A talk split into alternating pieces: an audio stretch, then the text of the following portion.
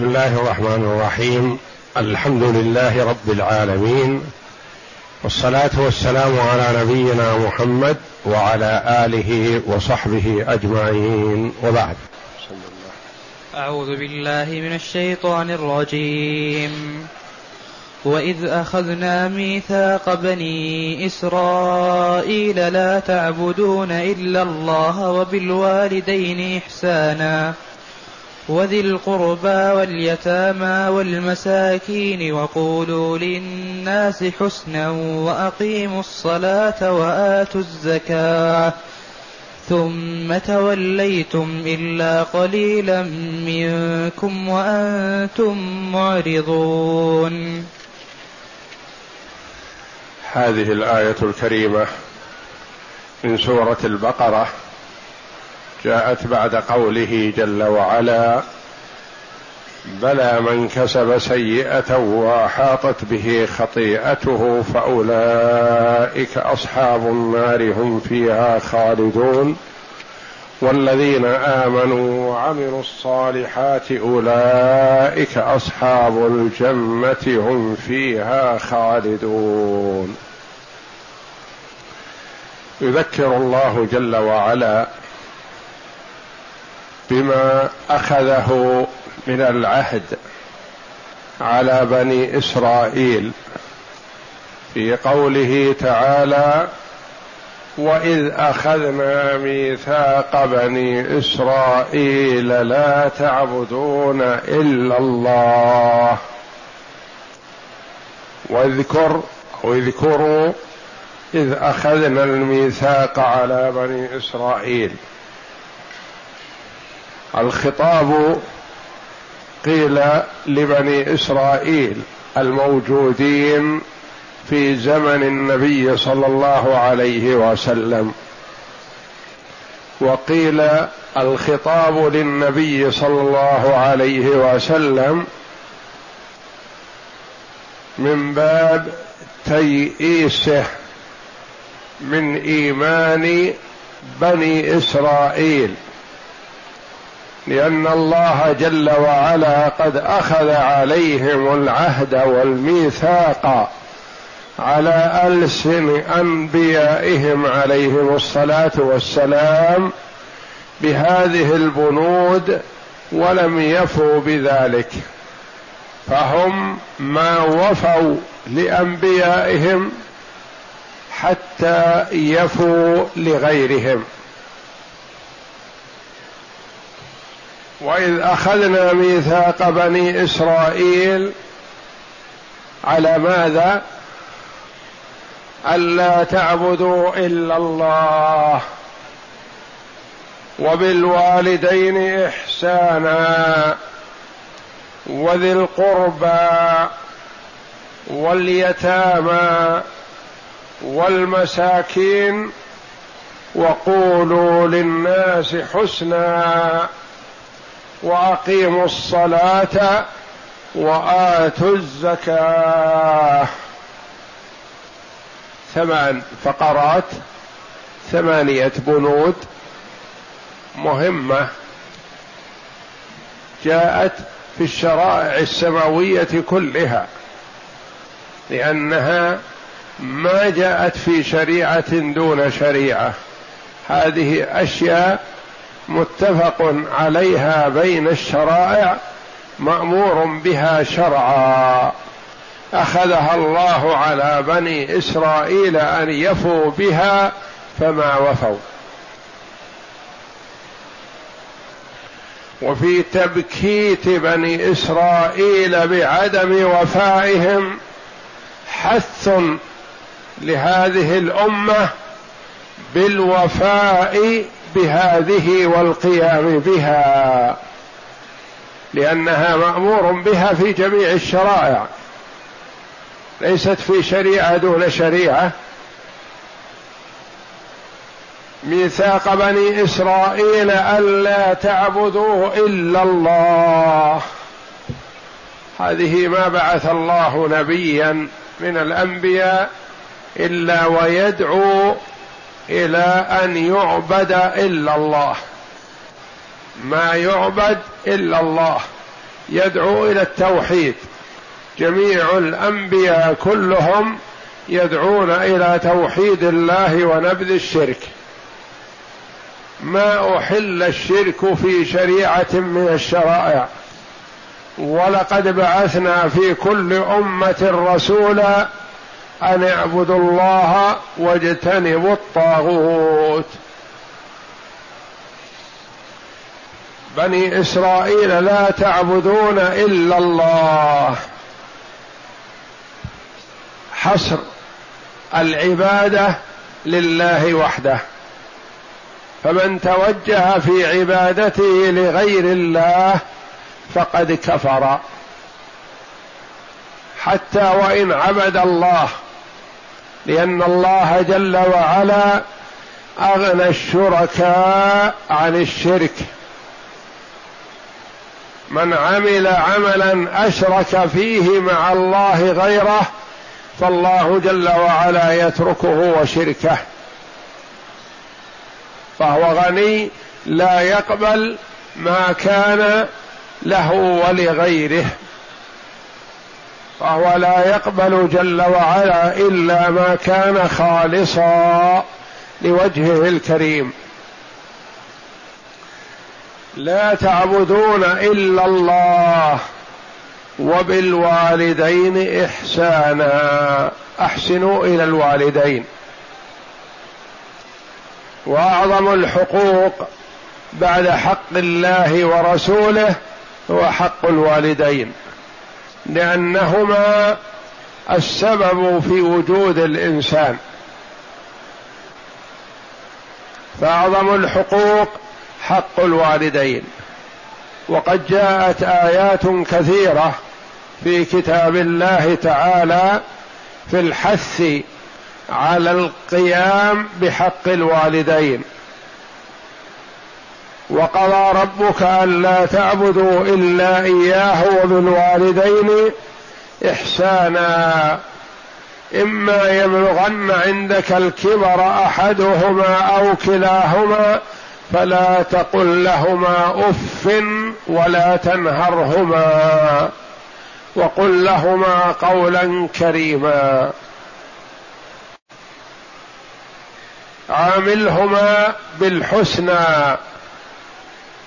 وبالبشاشة وطلاقة الوجه وامتثال الأوامر واجتناب النواهي حتى مع كفرهما ما داما لم يامرا بمعصية.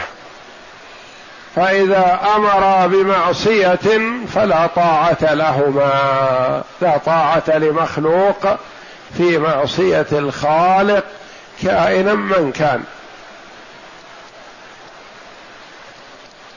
فالله جل وعلا أمر بالإحسان إلى الوالدين لعظم حقهما حتى مع كفرهما. وإن جاهداك على أن تشرك بي ما ليس لك به علم فلا تطعهما وصاحبهما في الدنيا معروفا. حتى مع أنهم يجاهدونك للشرك يدعوانك إلى الشرك فلا تطعهما ولكن في الصحبة صاحبهما في الدنيا معروفا. وبالوالدين إحسانا فلا يمتنع عما يطلبان مع القدرة على ذلك. وذي القربى ذي بمعنى صاحب يعني صاحب القرابة.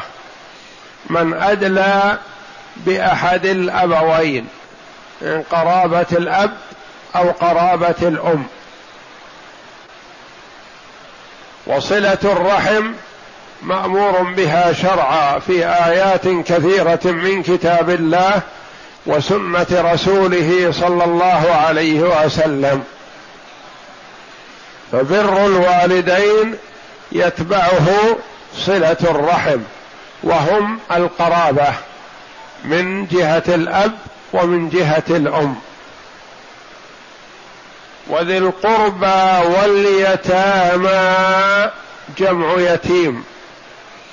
واليتيم من بني الإنسان ما فقد أبوه.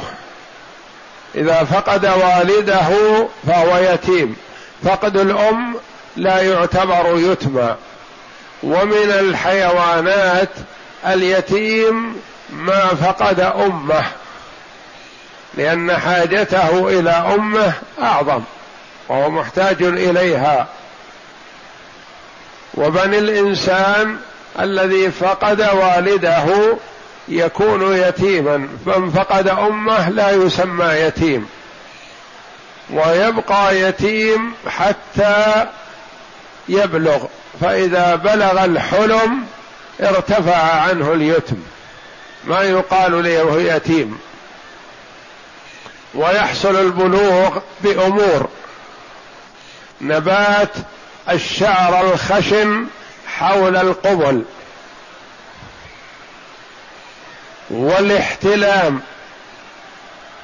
وبلوغ خمس عشرة سنة وتزيد المرأة بالحيض. إذا حاضت علم بلوغها. وسمي يتيم من اليتم وهو الانفراد. يعني أنه انفرد ليس معه ناصر ومعين له الذي هو الوالد. ويقال هذه درة يتيمة يعني منفردة لا مثيل لها ولا نظير لها.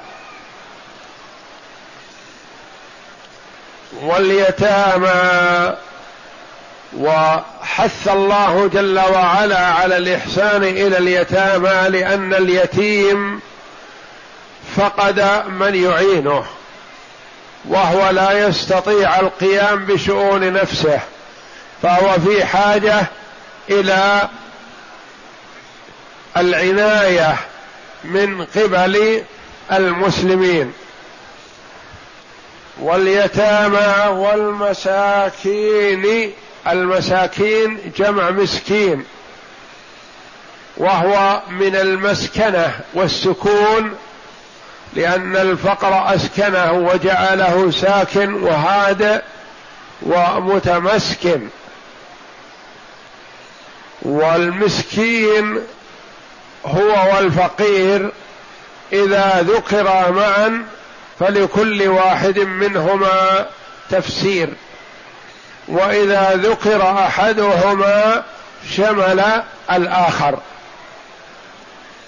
ففي قوله تعالى إنما الصدقات للفقراء والمساكين. قال العلماء الفقير من لا يجد شيئا أو يجد دون نصف الكفاية. والمسكين من يجد نصف الكفاية ولا يجد الكفاية كاملة. هذا إذا ذكر معا فعلى هذا أن المسكين أحسن حالا من الفقير وهذا الذي رجحه كثير من العلماء. وقيل العكس. وقيل الفقير هو الذي يجد أكثر من نصف الكفاية ولا يجد الكفاية والمسكين هو من يجد أقل من نصف الكفاية أو لا يجد شيئا. والأول أقرب والله أعلم. بأن المسكين أحسن حالا من الفقير لأن الله جل وعلا أخبر عن السفينة أنها كانت لمساكين يعملون في البحر. معناه مساكين عندهم سفينة يملكون سفينة فعندهم شيء. وفي قوله تعالى إطعام عشرة مساكين يشمل الفقير والمسكين. وقولوا للناس حسنا. تكلموا بالحسن. بعدما حث على الفعل الحسن لفئات من الناس أمر بإحسان النطق لكل الناس. للغني والفقير والكبير والصغير والامير والمأمور وقولوا للناس حسنا. الكلام الحسن له أثر طيب عند الناس. فإذا رغبت في دعوة شخص ما تلطف به وأحسن الكلام إليه واختر الكلام الذي يرضيه حتى لعله يستجيب لك. كما قال الله جل وعلا لموسى وهارون عليهما السلام لما أرسلهما إلى فرعون فقولا له قولا لينا لعله يتذكر أو يخشى. والله جل وعلا يعلم أزلا أن فرعون لا يتذكر ولا يخشى لأنه جل وعلا يعلم الأمور قبل وقوعها. فيعلم أن فرعون لا يتذكر ولا يخشى لكنه جل وعلا يعلم عباده اللطف في القول لأنه أقرب إلى الاستجابة. وقال لعبده ورسوله محمد صلى الله عليه وسلم ادع إلى سبيل ربك بالحكمة والموعظة الحسنة وجادلهم بالتي هي أحسن. فأمر بالإحسان حتى مع الكفار ومع أهل الكتاب ولا وجادل ولا تجادلوهم وجادلوهم بالتي هي أحسن. فحث على الحسنى والأحسن لأنه أقرب إلى الاستجابة. وهذا معلوم لدى العقلاء من الناس بانك إذا رغبت من شخص ما شيئا ما وجئته بلطافة ولين فحري أن يستجيب لك. وإذا جئته بالشدة والغلظة والقسوة فحري ألا يستجيب لك. وقولوا للناس حسنا وأقيموا الصلاة. عمود الإسلام. وهي حق الله جل وعلا. وهي آكد أركان الإسلام بعد الشهادتين. ولا حظ في الإسلام لمن ضيع الصلاة. وآتوا الزكاة أدوا زكاة أموالكم الواجبة وزيادة على الواجب المستحب. وآتوا الزكاة فالصلاة حق الله في البدن على البدن. والزكاة حق الله في المال وهي حق الله لعباده المحتاجين. ثم توليتم إلا قليلا منكم. أخذ عليكم العهد هذا على ألسن أنبيائكم ثم توليتم أعرضتم وتركتم ولم تقبلوا إلا قليلا منكم. فالمؤمنون من اليهود قلة يعدون على الأصابع. كعبد الله بن سلام رضي الله عنه وصحبه وهم قلة. والكثير من اليهود ما استجابوا وهم يعرفونه صلى الله عليه وسلم كما يعرفون أبناءهم.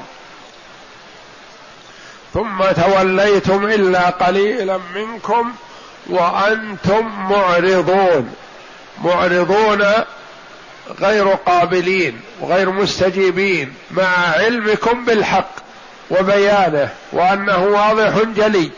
يعني ما تركتم الحق لخفائه وإنما أعرضتم عنه مع علمكم بأنه الحق.